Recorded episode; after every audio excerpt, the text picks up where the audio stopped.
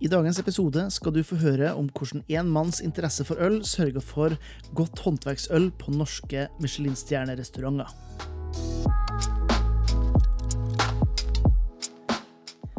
Hallo og velkommen til Ølprat, podkasten som serverer ølkunnskap og entusiasme rett i øret ditt. Mitt navn er som alltid Jørn Idar, og dagens gjest har vært en viktig del for Øl-Oslo de siste ti årene, og som fikk seg en ny jobb i 2020, som jeg i hvert fall ble litt overrasket over at han tok. Det skal du få høre mer om straks. Må bare si tusen takk til alle patrions som er med og støtter podkasten med et par kroner hver måned. Kommer noen småsnacksende klistremerker med ølprat og høyt skum i posten om ikke så lenge til patrions. Jeg må advare om at det er en del bakgrunnsstøy grunnet de åpne kjøleskapene i eh, bakgrunnen. Veldig beklagelig, jeg oppdaga ikke det før eh, dessverre det var litt for sent, men eh, praten er god allikevel, så om du kan takle litt bakgrunnsstøy, så er det her en meget bra episode å få med seg. Tenker at det er nok snakk, det er på tide å fylle koppen eller ølglasset med noe høyt skummende og lene det tilbake for denne episoden av Ølprat. Da ønsker vi velkommen til eh, Ølprat, en herremann som jeg har kjent i, i mange år. Han har gått bokstavelig talt fra kjelleren, der jeg traff han på Sattelgården, til hit vi sitter i dag. Nemlig på Gulating, Grünerløkka, ølbutikken med et eh, fantastisk bra utvalg.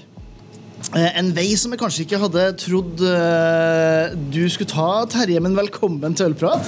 Jo, takk for det. takk for det. Nei, som du sier, det er kanskje en vei man ikke skulle tro det skulle tatt, i og med at jeg har Grunnutdannelsen min er jo servitør, mm. og da er det jo naturlig å ta et vinvalg. Ja. uh, men uh, det er jo mange andre som har tatt det vinvalget, og jeg har alltid hatt interesse for øl. Mm. Så ja, og for det, det er jo restaurantbransjen jeg egentlig kjenner det fra.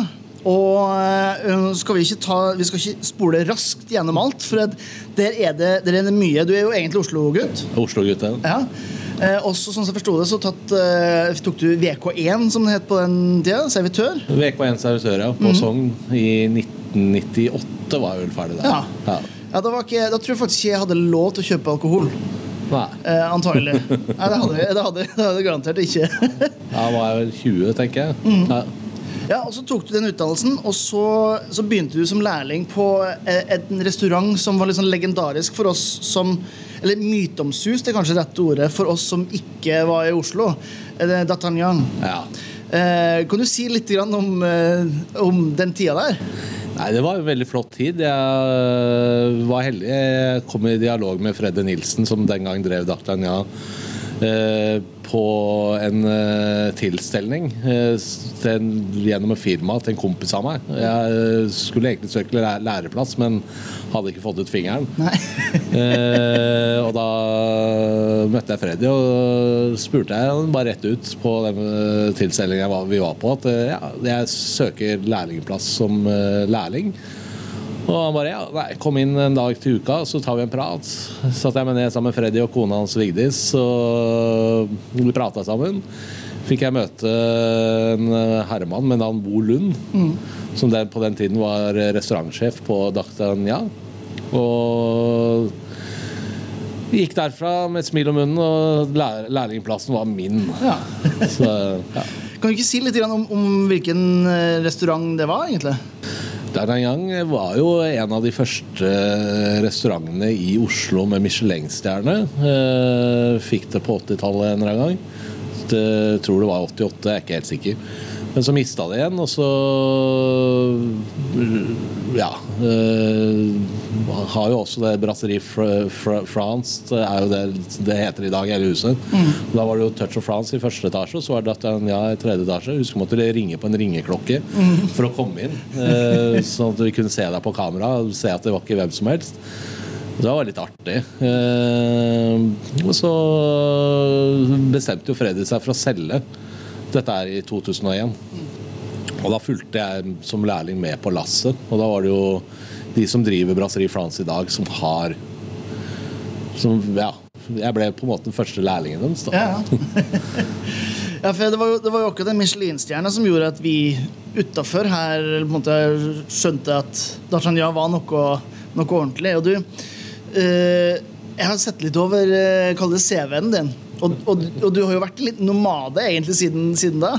Ja, jeg har jo det. Jeg har jo alltid vært en litt sånn rastløs sjel, så jeg har jo ikke klart å finne meg helt til ro. Eh, men eh, jeg fant en bransje som jeg har trivdes veldig godt i, og det er serveringsbransjen. Mm.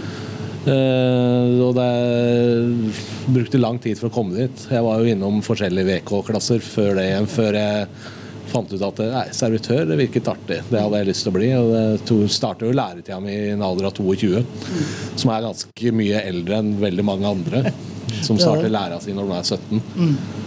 Så jeg følte på en måte det var kallet mitt. da Det har jeg jo for så vidt vært siden. Ja, du, du har jo det. det var en, eh, jeg så på eh, Det, det var én liten sånn her bomtur ute i, i dagligvarebransjen. Eh, og så rett inn igjen. Eh, du har vært på, om det stemmer, da 14 forskjellige eh, serveringssteder siden 2000. Eh, og fram til, fram til for bare et par nesten et par måneder siden her vi sitter, sitter nå. Ja. Men det aller første stedet jeg husker jeg traff det, det var jo på en annen Michelin-sted, eh, nemlig Stadholdegården. Ja. Eh, da, jobb, eh, da, hadde jeg vært innom et par steder i forkant. Da hadde jo vært en runde på Madserud gård. Vært tilbake igjen på Brasserie France. Eh, endte opp som sagt en bomtur i dagligvare. Eh, fant ut at dagligvare var egentlig ikke noe for meg den gangen. Eh, bestemte meg for å flytte til Drøbak. Eh, begynte å jobbe for noen gutter som jeg jobba sammen med på D'Artagnan. Eh, på Skipsrud Drøbak. Og var eh, restaurantansvarlig der sånn i tre år, før jeg vendte nesa tilbake til Oslo. og Da begynte jeg egentlig på Småflaskemuseet. Men så kom finanskrisa i 2008. Uh, ikke noe særlig med selskaper i Småflassmuseet.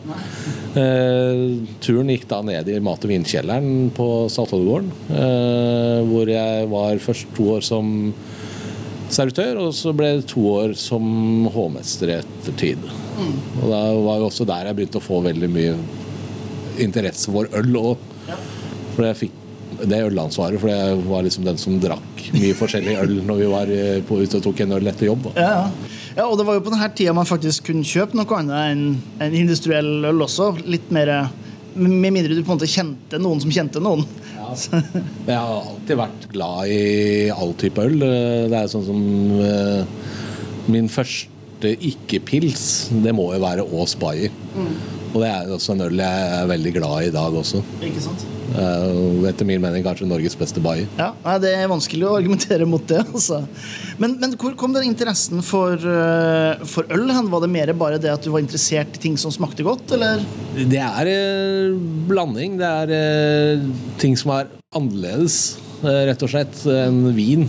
For jeg følte at alle var så retta mot det med vin og liksom hva vin var, og vin var den store hypen. og det er sånn når jeg begynte på Statoilen, så var jo ja, når jeg var ferdig med læra, så var det jo ingen som snakket om å ta vinkelner. Men eh, når lærlingene var ferdig eh, med læra på Saltågården, så var det jo alle skulle bli vinkelnere. Mm. Eh, og så tenkte jeg ja, hvorfor ikke tenke en litt annen approach på dette her. Og fikk da interesse for øl, og øl, spesielt øl og mat i kombinasjon. Mm. Ja, det er jo noe som, som på en måte kjennetegner litt sånn som jeg, jeg kjenner det. i hvert fall. Du, du, har alltid tatt med deg ølen. Første gang som sagt jeg traff det, var jo egentlig eh, Jeg skulle vel egentlig selge noe vin, tror jeg, i Amca. Eh, og jeg, jeg tippa jeg altså, kjenner meg sjøl rett på den tida, så var det sikkert noe Musella, litt sånn biodynamisk, eh, høykvalitets eh, Piemonte eh, Nei, unnskyld, Veneto-vin, som jeg tenkte det må jo passe bra i et sted som det. Um, og så traff han her fyren som digga øl. Og tenkte Det var jo ikke det jeg hadde forventa å finne på et sted som hadde Michelin-stjerne på den tida. Uh, men ble veldig glad, for det, den, da hadde vi jo Vi hadde to bryggerier, husker jeg. Uh, og det gikk jo bare én vei etter det, i min tid i, i Amca og Bear Enthusiast. Men, men, men, du fortsatte jo å ta med deg uh, øl og den mentaliteten videre når du gikk også. Ja, jeg eh, jobba jo på mat- og vinkjelleren i fire år, som sagt. Og så fikk jeg tilbud. Eh, møtte jo en som jeg hadde kjent siden hun var lærling. Det var Carla som var da skulle bli kjøkkensjef på Smalhans. Eh, og det var liksom før det hadde åpna, man visste ikke hva det skulle hete helt. og var liksom helt i startgropa. Da skulle vi ha en restaurantsjef, og spurte meg sånn tilfeldigvis om Hei, Terje, kjenner du noen som kunne tenkt deg å bli restaurantsjef på en nyåpna sted? Vi vet ikke helt hva det skal bli. Og jeg bare rakk opp hånda og bare Yes, det kunne jeg godt tenkt meg. Det hørtes morsomt ut. Mm. Og da var jeg jo oppe der som snakket med Anders Bråten og Stian Floer Eh, den gangen eh, om restaurantsjefstillingen, og ble såpass gira at når jeg var ferdig med intervjuet der, sånn, så, ringte jeg jo Edvard, som var restaurantsjef på Statoilgården, og sa det at eh, nå skal du høre her, Edvard. Nå har jeg vært på noe kjempemorsomt nå, og hvis jeg får jobben, så tar jeg den. Ja. Og da ble jo det Ja, du fikk jobben? Jeg fikk jobben, ja. og det ble jo smalhans, da. Ja, det ble det. Ja. Og, og Smalhans ble altså eh, Der kan man jo dykke ned i, i flere av de greiene, men Smalhans ble jo eh, Det var i utgangspunktet en, en restaurant, en nabolagsrestaurant som, som, nådde ganske langt utover Sankthanshaugen. ja, det, vi gjorde jo det. det jeg husker jo vi åpna jo i midten av mai, nei, mai, november ish. Uh, og åpna jo med en sekser i VG og en sekser i Dagbladet. Uh, vi var jo low-key. Det er sånn Vi var ikke interessert i hvite duker, og folk kunne nesten komme i joggebuksa hvis de ville det. Mm. Og ble litt overrasket når vi fikk så fantastisk bra anmeldelser. Hvor da påfølgende at folk kom i dress og uh, slips og trodde de skulle på gourmetrestaurant. Og fikk jo litt hakeslepp til folk der når de kom inn døra. Og det sto kø nesten ut døra, og folk skulle ha bord og ja. Ja, for det, det, var, det, som ble servert, var jo Det var veldig veldig høy kvalitet på maten, men det var jo sånn ukens uh, husmannskost. Og ja, man hadde jo ny husmannskost hver dag mellom fire og seks. Uh, og så hadde man jo ukesmeny. Enten da smalhansmeny eller krøsusmeny. Mm. Og det, uh, den maten som ble servert, den, ble, den var så høy kvalitet at til slutt så Nå står jo det i i Michelin-guiden som et anbefalt sted fortsatt. Ja, med eneste stedet i Oslo, tror jeg, med Bibi Gourmand. Mm. Og, når du går et, på et sånt sted og skal være med å bygge opp da, som en ølelsker, eh, hva, hva, hva, tenkte du, Hvordan tenker man utvalg? Hvordan velger man øl når man skal, skal jobbe med det i en restaurantsetting? på den måten? Tenke hva slags øl du selv ville ha drukket til maten, eh, rett og slett. Jo, vi fikk jo etter hvert et veldig bra ølkart. Eh, tanken var jo at man skulle ha tror jeg fire eh, tappelinjer. Vi endte opp med åtte når jeg var ferdig med å bestemme der, og rundt 50 øl på flaske. Ja. Eh, og da mente jeg at da hadde vi litt for alle og enhver, eh, uansett hva man skulle spise. Mm. Eh, alt fra lyst hvetøl til tunge, mørke, doble belgiske morsomheter. Mm. og det var jo kjempemorsomt, og det gikk jo som en kule. Eh, så ja. Så rett og slett å ha et, et utvalg som er, var, var, så bredt som mulig for å treffe så mye som mulig, da. Ja. For det var veldig mye smaker i den maten som ble servert. Mm. Det er sånn, selv om det var eh, nordisk mat, så ble det allikevel eh, ja, mye forskjellig. Litt sånn asiatisk inspirert og ja. Mm. Ja, og da er det jo egentlig, når du, når du nevner asiatisk, så er det jo så er det jo greit å ta steget videre fra, fra Smalahans og, og, inn i, i mathallen. Og der ble det jo også noe action uh, for det. Ja, der uh, De gutta fant ut at det gikk så bra at de skulle åpne et sted til. Og da ble jo Jan Robin med på lasset der. sånn Han hadde lyst til å åpne streetfood-restaurant, rett og slett. Mm. Eh, det ble da eh, hitchhiker på mathallen. Eh, så jeg flytta jo ned dit fra Smalhans for å være med på å åpne opp der. Der ble jeg jo i to år, og der var det jo også utfordringer i forhold til det med øl og mat. fordi at når du har street food, så må du tenke annerledes enn hva man gjorde på Smalhans igjen. Ja. Det er en annen type øl. Ja, altså, ikke- og ikke minst den typen streetfood som ble servert på Hitchhiker, som var mer asiatisk inspirert. Mye mer punch, mye mer krydder og mye mer, og mer chili. altså det, det Mye av den typen ting. Jeg husker den første ølen jeg fikk servert når jeg var der. Den fikk jeg servert av det. Um, og den hadde du laga sammen med Nøysom, om jeg ikke husker helt gærent. Nøysom, ja. eh, Hitchhiker Goes Ego. Mm. Uh, ja, det så det var Ego Bryggers. Ego, det. Stemmer. Og Kan du ikke si litt om, om, om ølen og tanken bak den? Nei, Tanken var jo å lage en øl med chili. Og da Christer, som den gangen var eh, bryggsjef, eh, så var jo han også veldig glad i habanero. Så vi gikk jo sammen og kokte sammen hodene våre og fant ut at vi skulle lage en saison med habanero. Og den passa jo bra til maten, men uh, man fikk jo servert den andre steder også. Og da fikk den jo litt sånn småslakt. Men eh, fordi folk syntes at det er for mye paprika og sånn. Uh, det er sånn drakk jeg faktisk. Jeg hadde, har faktisk hatt to flasker liggende som jeg drakk, jeg drakk en nå i våres, faktisk. Tidligere i vår. Og nå er den faktisk kanonbra. Men det, nå er den jo Ja, 2014 ble den brygga. Mm, det er ikke så veldig mye chili punch igjen, kanskje? Nei, men du kjenner den er der for det. Ja, ja, det er tøft. Ja, for, for det er jo en ting som jeg tenkte der, at uh, den ølen passer jo helt nydelig der. I den rette konteksten med maten og stemninga og i hele tatt. Men med en gang du får servert det på en, eh, en brun pub i Tøyengata, så er det sånn da, det, det blir, passer blir, ikke helt. blir litt annerledes. Ja. Det gjør det. Vi lagde jo også egen øl for Smalands. Smalandsbrygg, som vi lagde sammen med Skauskjelleren, som var veldig humle, humle, humlefylt Amber Ale. Og vi lagde jo også på Smalands også en øl sammen med, med Håndbryggeriet. Som uh, husker jeg uh, Smalhånd het den. Å ja, den husker jeg ikke. Nei, det var, var Vi lagde den eh, der ute.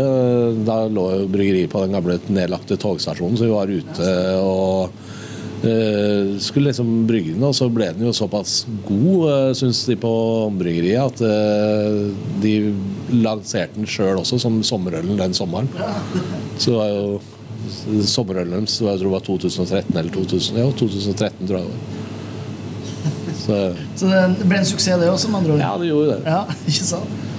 Eh, tida i Hitchhiker var jo eh, Det var spennende. Det var på en tid der street food var noe man akkurat begynte å snakke om. I dag så snakker vi om street food på en helt, eh, helt annen måte. Kontek ja, altså konteksten som er nå, ikke sant? med at du har jo egne I hvert fall her i, i Oslo så har du jo egne eh, street food-haller. Eller Ja, hva man skal kalle det det. er borti Torgata. Og det er jo litt det street food er. Eh, mer der, men det er sånn som når vi starta opp uh, Jan Robin, eh, som er vanvittig dyktig kokk, uh, hadde kjøkkenet på Hitchhiker. Så lagde han jo vanvittig mye bra mat. Ja. så street food-maten der sånn holdt jo mye høyere kvalitet enn veldig mye annet gjorde, i hvert fall på den tida. Mm. så ja. Street food er jo kommet for å bli en god stund, virker det. Ja, det, det er nok ingen tvil om. og du var på Hitchhiker i to år, og så gikk eh, veien videre for, det- for din del. Det gjorde det. Da ble det sentralen eh, på ja, borti Kvadraturen. Eh, fremdeles samme eierne. Eh, bare at nå hadde de fått et nytt navn, og da heter den plutselig Lava-gruppen. Eh, og så ble jo en til kokk med på, på dette her, og det er jo da Even Ramsvik. Eh, sammen med da Tom Viktor og Anders og Stian. Eh, og da ble det litt sånn Veldig bra konsept bortpå Sentralen. Eh, med småretter og nordisk stil. Og det er, eh, men det er som fikk jeg på en måte ikke samme måte utfolde meg som jeg ville sånn ølmessig. Og jeg la merke til at ølinteressen der borte var mye lavere enn det har vært på de andre stedene jeg hadde jobbet. Det var egentlig det var mer fokus på maten, og ikke så mye på, eh, på aspekter rundt drikken, kanskje. Jo, eh, veldig høyt eh, fokus på naturvin. Og det er jo også noe som er en gjenganger i Lava-gruppen nå, er jo at de har eh, mye bra naturvin. Eh, Så jeg, jeg følte at jeg fikk ikke på en måte spilt min ball sånn som jeg helst ville ha gjort det med øl. Nei. Nei, og da, da gikk jo Du var ikke der så lenge som de foregående stedene? Ca. et år eh, før jeg uh, Noe som heter uh, Made in Oslo Restaurants kom bankende på døra. Eh, med en som jeg har jobbet med tidligere, som heter Magnus, som da var vinkelner på Saltadegården. De skulle åpne et nytt konsept på Jonstorget, det som er Jonskvartalet, nye Jonskvartalet i dag, og skulle åpne ølbar. da. Og jeg fikk, fikk muligheten til å være med på eiersiden hvis jeg hadde lyst til det. Det hadde jeg jo. Jeg hadde lyst til å jobbe med øl. Ja, for, for alt fram til, til da har jo vært, hadde jo vært at du på en måte det er feil å si at du pressa øl inn, inn i, i, på kartet, men ja, litt, litt, litt grann. Eh, men det har aldri vært noen rene ølsted, aldri rene øl eh, restaurant du på en måte vært på. Så når du, når du ble med i Håndslag, så var det var første rene ølstedet som du var i. Det stemmer. Det er sånn som eh, Håndslag er jo et sted som jeg er eh, oppriktig blitt, ble glad i. Eh, og fikk muligheten til å utfolde meg på øl på veldig mange måter. Og da kom vi opp med et konsept. Eh, eller jeg kom egentlig opp med et konsept på å ha et nytt bryggeri hver måned. Og da fortrinnsvis norsk bryggeri, som kunne stille med ti tappelinjer. Som fikk speila seg ut mot eh, folk som liker øl i Norge, og spesielt i Oslo. Eh, og da gjorde vi jo det. Eh, nytt bryggeri hver eneste måned. Tror jeg, jeg rakk vel å være innom tror det var 35 bryggerier eh, før jeg valgte å forlate håndslag. Ja, for, for jeg husker når, når du, når du åpna, og jeg hørte at du skulle ha eh, Majoriteten av tappelinjene skulle være bare ett bryggeri. Så tenkte jeg bare Det er jo helt nydelig. Endelig noen som ikke bare går i den her eh, homogene craft beer-feller, der de skal ha litt av alt, men faktisk tør å gå for noe spesifikt. Ja, eh, det er sånn eh, Jeg brenner jo for på en måte for norsk øl, da. For jeg syns det er vanvittig mye bra norske bryggerier. Eh, og så er det jo artig med noe utenlands, men det er sånn, når det gjaldt dette med de ti linjene, så var de Det var skulle være norske bryggerier. Tror jeg har hatt ett unntak, og det var vel Brekkeriet. Det er bare fordi Brekkeriet er så bra. Ja, det, det var ikke noe valg, liksom. Når du fikk muligheten til å kjøre ti linjer med Brekkeriet, så er det jo Så var det, da, da var det greit. er det bare let, let, let it go. Ja. ja, og ehm, håndslag er jo ikke bare et eh, ølsted. Altså, håndslag i seg sjøl er det, men, men det huset er litt sånn unikt, egentlig. Ja, det er jo det. Du får jo alt. Du kan holde, holde deg det kvartalet fra du står opp om morgenen til du går og legger deg om kvelden. Det er liksom med Gunnars som har eh, hatt fokus på frokost. Du kan gå og spise lunsj eh, og ta deg en kopp kaffe på My Ugly Baby, som er vanvittig bra donuts og bra kaffe. Eh, Du har eh, Lulu, som er eh, litt sånn Asian peruansk crossover med veldig høy kvalitet. Du har jo det som åpnet til senere tid, Tea Room. Og så har du jo, hvis ikke Oslos beste pizza oppe i andre etasjen på Girotondo. Uh, og så har du da andre til høyre, som er en cocktailbar med et enormt høyt nivå. Og så har du da håndslag da, med nede. Ja, med, med mye øl. Ja, med mye øl. Eh, og ja. Alle skal være tilfreds når man går på håndslag. Så er liksom, man har bra vin på glass, og man kan lage enkle drinker. Man har jo det som er punch, som også er bra på håndslag. Det er jo, ja. Så er det kafé på dagtid. Ja. Ja. Rett og slett en, en eh, hva skal man si, en sånn smaksopplevelsessted for, eh, for voksne. Som kan, Du- som man sier, kan, kan ja. bruke en hel, et helt døgn der. Ja, ikke noe problem. Hvis man vil det, så er liksom, man kan jo nesten flytte inn. Fordi man kan jo stikke og spise frokost på Gunnars på morgenen, og så kan man uh, gå på Taylor og Jørgen og kjøpe seg en kopp ka kaffe, eller Het, heter jo ikke Taylor Jørgen lenger. Det heter jo My Ugly Baby. eh, og så kan man sitte og jobbe på omslag, rett og slett. For der kan du koble PC-en i veggen og kjøpe en sandwich eller ta deg en kopp kaffe eller noe annet å drikke på dagtid. Og så kan du ta deg en øl, og så kan du gå og spise pizza på Girotondo. Så det, det er egentlig det, det man bør gjøre, bare slå opp telt midt på Youngstorget og så bare holde ut. Eneste du mangler da, er dusj. Ja. ja det er. Men det er jo fontene der på, på sommeren, da, så Jo, jo. kan vi bruke den, kanskje. Jeg tror jeg ville hatt betenkeligheter med det. Jeg har sett folk bade der, men eh, jeg hadde ikke gjort det frivillig. Nei, det, det er ikke nok klor til å, til å dekke, dekke over eh, bakterieveksten Nei, der. det, tror jeg har vært mye rart oppi, for å si det sånn. Eh, og så, eh, eh, Hvor lenge var du på håndslag, forresten? I fire år. Fire år? Ja. Så det er en av de lengste oppholdene du har hatt. Så Stadholdergården eh, på ene sida og, og håndslag. Og så går turen videre. ja. Eh, kom en pandemi, da.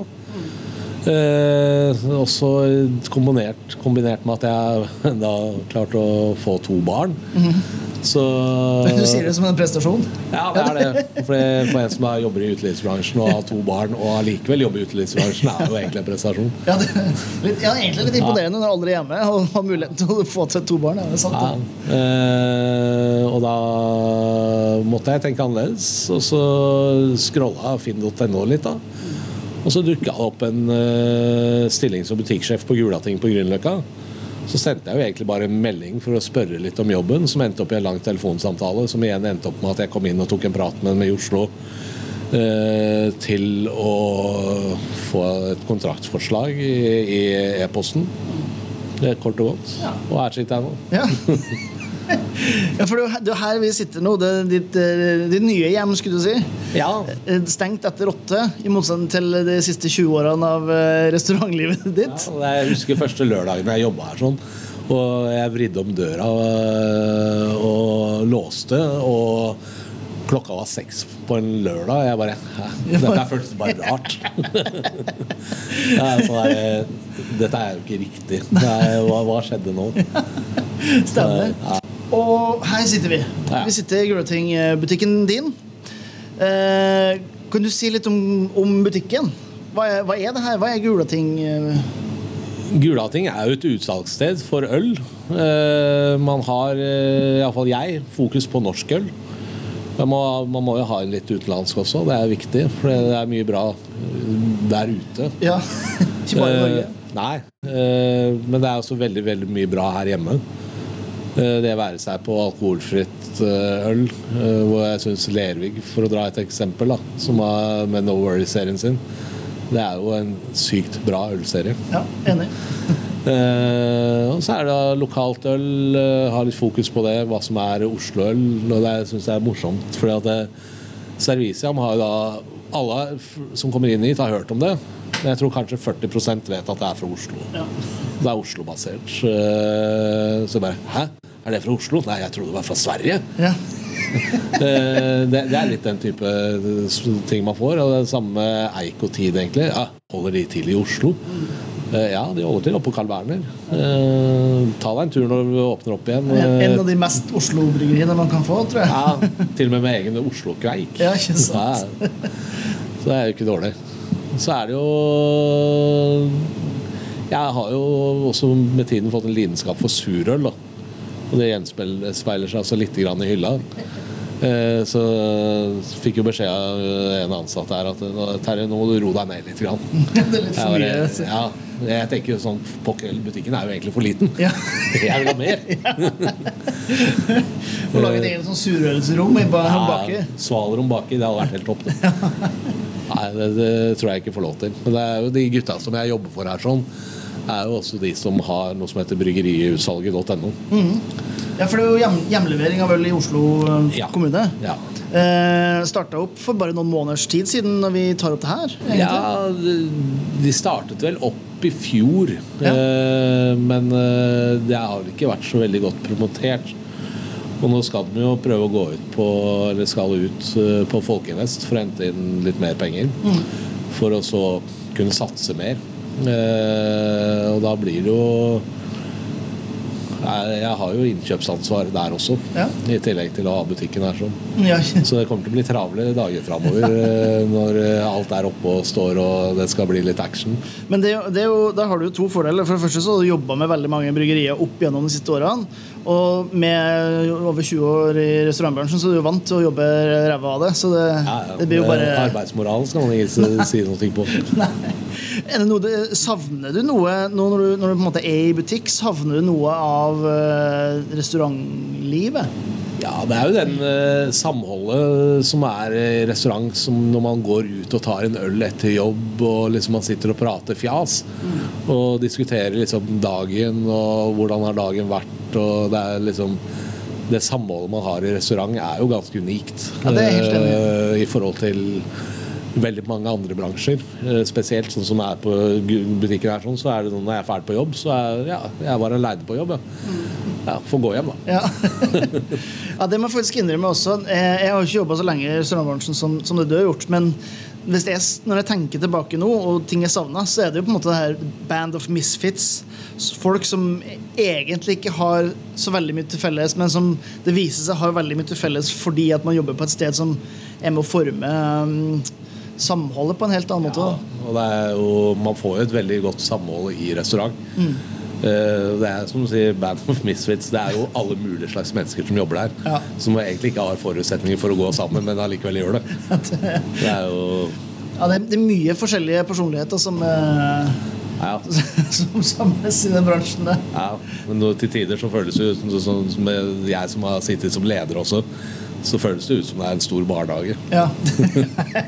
Du er ikke den første som har sagt det på denne podkasten her, kan jeg vel si. Det var, det var en eh, viss Jan Thomas som nevnte det også på, på episoden med Binda. Så han hadde jo han har erfaring fra barnehagen, så han, han sa han kunne ta med et par, eh, et par ting inn i, inn i driften.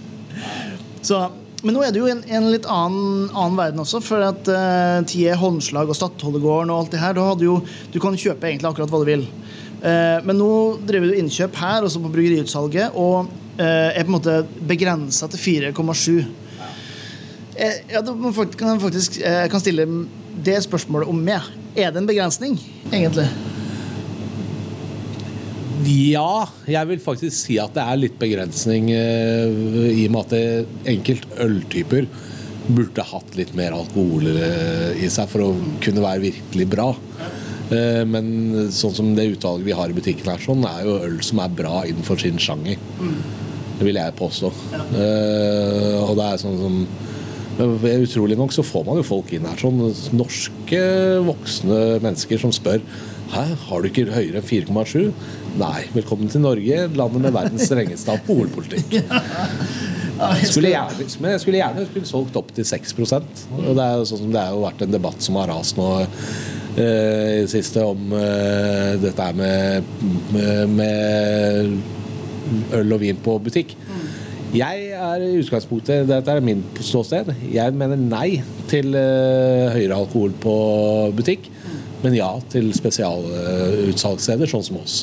Fordi vi som jobber her sånn, sitter med kompetansen. Eh, på lik linje med folk som jobber på et eh, vinmonopol med spesialutvalg. Ja, Der er jeg faktisk 100 enig. Eh, Jeg er veldig, jeg er veldig negativ til å putte sterkøl i butikk.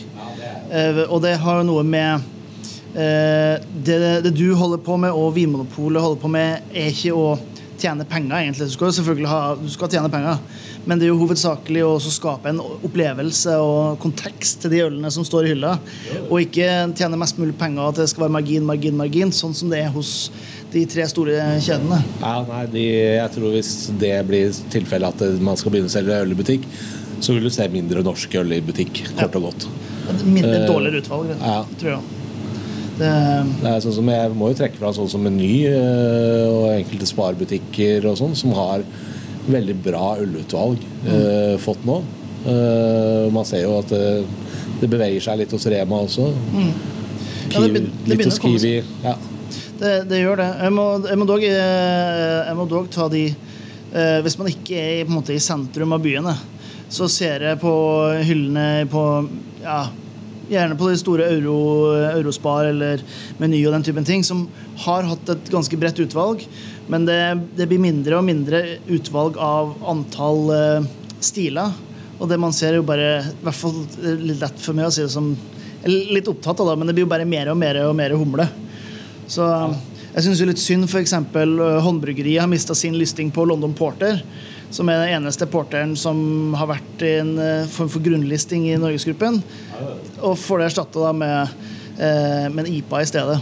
Så, Ja, det er jo Jeg vil jo kalle IPA er jo det Når folk begynner å lære seg å drikke annet enn pils, så skal jo alle til IPA-en. det er helt sant. Eh, Kanskje en sånn snartur innom Ale. Ja. Eh, men det er som, alle, alle skal på IPA-en. Mm. Og det er sånn som eh, Jeg syns jo det er greit nok, men det er sånn som IPA Det er blitt så mye. Mm.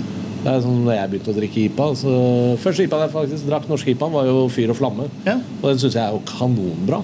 ja, helt enig. Eh, men det er sånn som det er liksom, man skal ha med laktose i, og man skal ha hazy og ikke hazy. Og jeg har på følelsen at det, den originale IPA-en nesten ikke er tilgjengelig lenger. Nei, jeg, jeg, jeg tror faktisk du har et poeng der at det, vi har gått, det har gått forbi med antall uh, IPA-er som ikke er kall det stilrikt igjen å bruke for de som hører på, så bruker gåsetegn her. For det, liksom, det, det skal jo ikke være bitterhet, det skal bare være alt den her gode juicen, fruktigheten og som du sier, litt laktose og kanskje en mangobit eller to.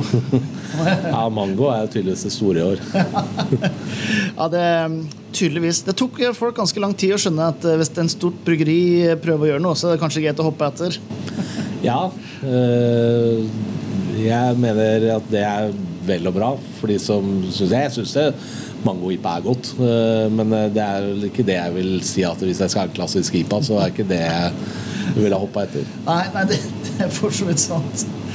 Ehm, vi skal begynne å avslutte nå, men uh, jeg stiller alle som er med på Ølprat, uh, et spørsmål. Og jeg tenker Du må jo være en av de mest kvalifiserte til å svare på det her, så no pressure, Terje. men uh, hvis du skal tenke deg Nå er det litt tidlig på en eh, tirsdagsmorgen her, da, men hvis du skulle tenkt deg en, en, eh, en deilig øl- og matkombinasjon, hva, hva ville du ha, ha tatt? Jeg er veldig glad i gry- gryte. Eh, og hvis du har en god gryte, så er jeg jo en sucker for bøvelen til uh, Kinn. Mm. er, den syns jeg er kanonbra hvis du har en fyldig, god gryte med kjøtt og ja. Kombinere med en litt sånn fruktig, litt sterk, eh, tung eh, trippel? ja det er, det er, det er, da smiler jeg fra øret til øre. ja, det er bra. Det er godt å høre. Eh, Terje, da vil jeg bare si tusen takk for at du eh, tok en liten eh, ølprat med meg. Det jo Likeså. Ja.